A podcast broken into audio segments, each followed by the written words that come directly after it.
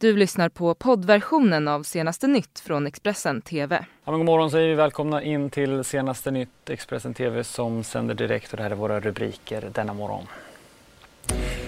Våldsam brand på bondgård utanför Linköping. Kvinna hittad död i Norge kopplas till moskéattacken. Och nästan 50 000 på plats för att se när Ronaldo och Juventus gästade Friends Arena. Men först om en våldsam brand som under natten bröt ut på en bondgård utanför Linköping i Östergötland. Branden ska ha startat i en maskinhall och när räddningstjänsten kom till platsen så var byggnaden helt övertänd. Ingen person ska ha befunnit sig i byggnaden när eh, elden bröt ut och räddningstjänsten har nu lyckats få kontroll på branden och polisen ska göra en teknisk undersökning för att ta reda på vad det var som orsakade branden. I Norge har en kvinna hittats död i en lägenhet i norska Bärum och enligt eh, den norska polisen finns en koppling till moskéattacken utanför Oslo under eftermiddagen igår. Kvinnan hade en relation till den man som gick till attack mot moskén där en person skadades lindrigt.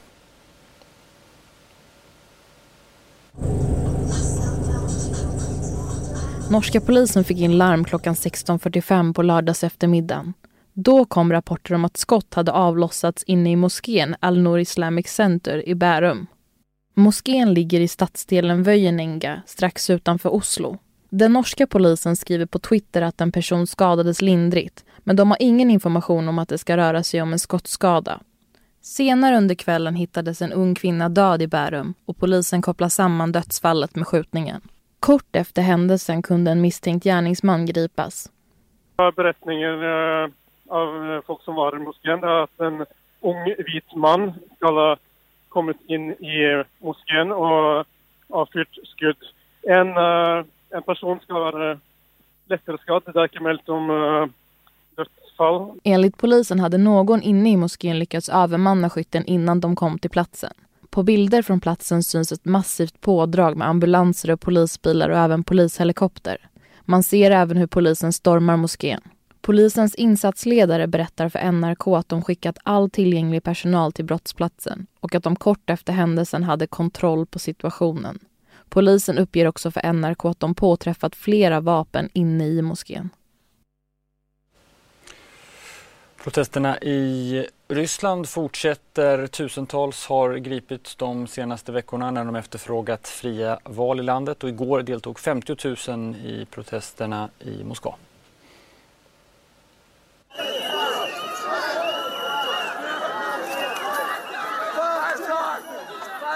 För femte veckoslutet i rad skakas centrala Moskva av stora demonstrationer. De största i Ryssland sedan 2011 till 2012. Protesterna utlöstes av att myndigheterna vägrade låta oppositionella kandidater ställa upp i lokalvalet i Moskva den 8 september. Detta av tekniska skäl. Under protesterna har den ryska polisen ofta reagerat brutalt och mer än 2300 personer som har deltagit i otillåtna demonstrationer har gripits de senaste veckorna. Lördagens protester genomfördes med tillstånd och upp till 50 000 regimkritiker demonstrerade. På plats var Expressens reporter Viktor Hedlund som var på besök i staden. Många, många människor skrek eh, ett slagord som har blivit känt eh, eh, just att man ska släppa in dem. Och då syftar man på, på kandidaterna eh, som har nekats att ställa upp i Moskvas lokalval. Då. Och, eh, men även började man eh, släppa ut dem och då syftar man på, eh, på människorna som, eh, som är gripna sen, eh, sen tidigare demonstrationer. Där, där väldigt många människor har gripits de, de tidigare helgerna i Moskva när det har pågått demonstrationer där.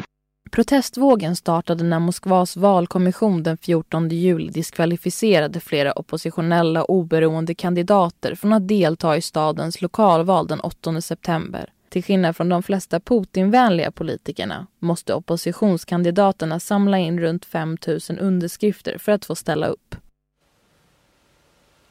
Den trafficking-anklagade miljardären Jeffrey Epstein är död. Under gårdagen så hittades miljardären som är misstänkt för bland annat sexuella övergrepp eh, mot minderåriga flickor död i sin cell.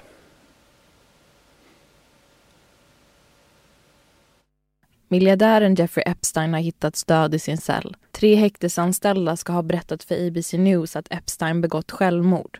Epstein dömdes 2008 för att ha köpt sex av en 14-årig flicka och stod nu åtalad i en trafficking-härva med minderåriga flickor.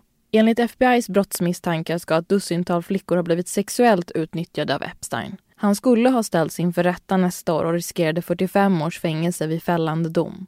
För knappt en månad sedan hittades han okontaktbar i sin cell i Metropolitan Correctional Center i Manhattan med märken på sin hals som ska ha ansetts vara självförvållande. Han ska sedan den 23 juli ha varit under Nordkoreas diktator Kim Jong-Un deltog eh, själv vid gårdagens provskjutning av som beskrivs som ett nytt vapen och uttryckte dessutom stor tillfredsställelse med resultatet. Det här rapporterar den nordkoreanska propagandakanalen KN, KCNA. Något som refereras av bland annat AFP och Fox News. Nordkorea har hävdat att eh, försvarsövningarna mellan USA och eh, Sydkorea tvingar landet att genomföra testerna och till KCNA säger Kwon Jong-un vid Nordkoreas utrikesdepartement att det blir svårt med samtal så länge som övningarna pågår. Tillbaka till eh, Sverige och till Stockholm där över 49 000 personer bänkade sig för att se Ronaldo och hans Juventus möta Atletico Madrid på Friends Arena. Och på plats fanns även vår reporter Nicole Amiri. 49 000 hade tagit sig till Friends Arena för att ta del av stormötet mellan Atletico Madrid och Juventus. 2-1 slutade matchen. Atletico Madrid vann. Eh, supertalangen 19-åring Joao Felix stod för två av Atleticos mål. Nyförvärvet som lovordas av eh, Atleticos tränare Diego Simeone som kallade honom för naturbegåvning här på presskonferensen efter matchen. Fåordiga var eh, de flesta spelarna i respektive lag. Den enda som stannade från Juventus var Douglas Costa som sa att han var väldigt glad av att så många Juventus-fans hade tagit sig hit för att se dem. Att han alltid är glad av att se dem vid Juventus sida och eh, han sa också att han tycker om Stockholm väldigt eh, mycket. Så intresset för den här matchen var, var jättestort när jag jag var på väg hit tidigare i, idag så var det långa, långa köer här in till arenaområdet. Så ja, stort intresse för den här träningsmatchen mellan Atletico Madrid och Juventus. Till sist något som många säkert väntat på att till hösten så kommer den tredje säsongen av SVTs eh, succéserie Vår tid är nu. Men man säger också att man spelar in ytterligare avsnitt här berättar skådespelarna Hedda Stiernstedt och Charlie Gustafsson. Det är väldigt kul att få vara med om någonting som folk tycker om så mycket och engagera sig så väldigt mycket såklart. Får, får ni mycket eh, positiva reaktioner ute på stan? Kommer folk fram och vill undra, undra hur det ska gå för er? Absolut. Eh, det händer en hel del att folk kommer fram och vill säga något eller prata om serien och sådär. Men alla är oftast väldigt, väldigt snälla och också väldigt sådär, bara hugger tag i en, säger jag vill bara säga att serien är jättebra så går de iväg liksom. Det är inget så här sånt. Så att eh, det händer, vilket är väldigt kul. Och eh, säsong tre är på gång. Eh, den ska ha premiär i höst och nu ska ni spela in ytterligare avsnitt. Kan ni berätta om det? Vi gör en, eh, ja, en liten bonussäsong som går under namnet Julspecialen. Så att, ehm, det är eh, fyra avsnitt som inte utspelar sig under julen dock utan det utspelar sig under sommaren i skärgården och det är eh, det handlar handlingen kretsar nästan uteslutande om hur blev Nina och Kalle egentligen tillsammans första gången? Och hur var det, vad hände mellan säsong ett och två? Så det är den här lilla pusselbiten som har saknats kan man väl säga. Den här eh, kärlekshistorien har ju haft mycket komplikationer. Eh, jag vet inte vad ni får och vill avslöja men blir det bra till slut mellan er?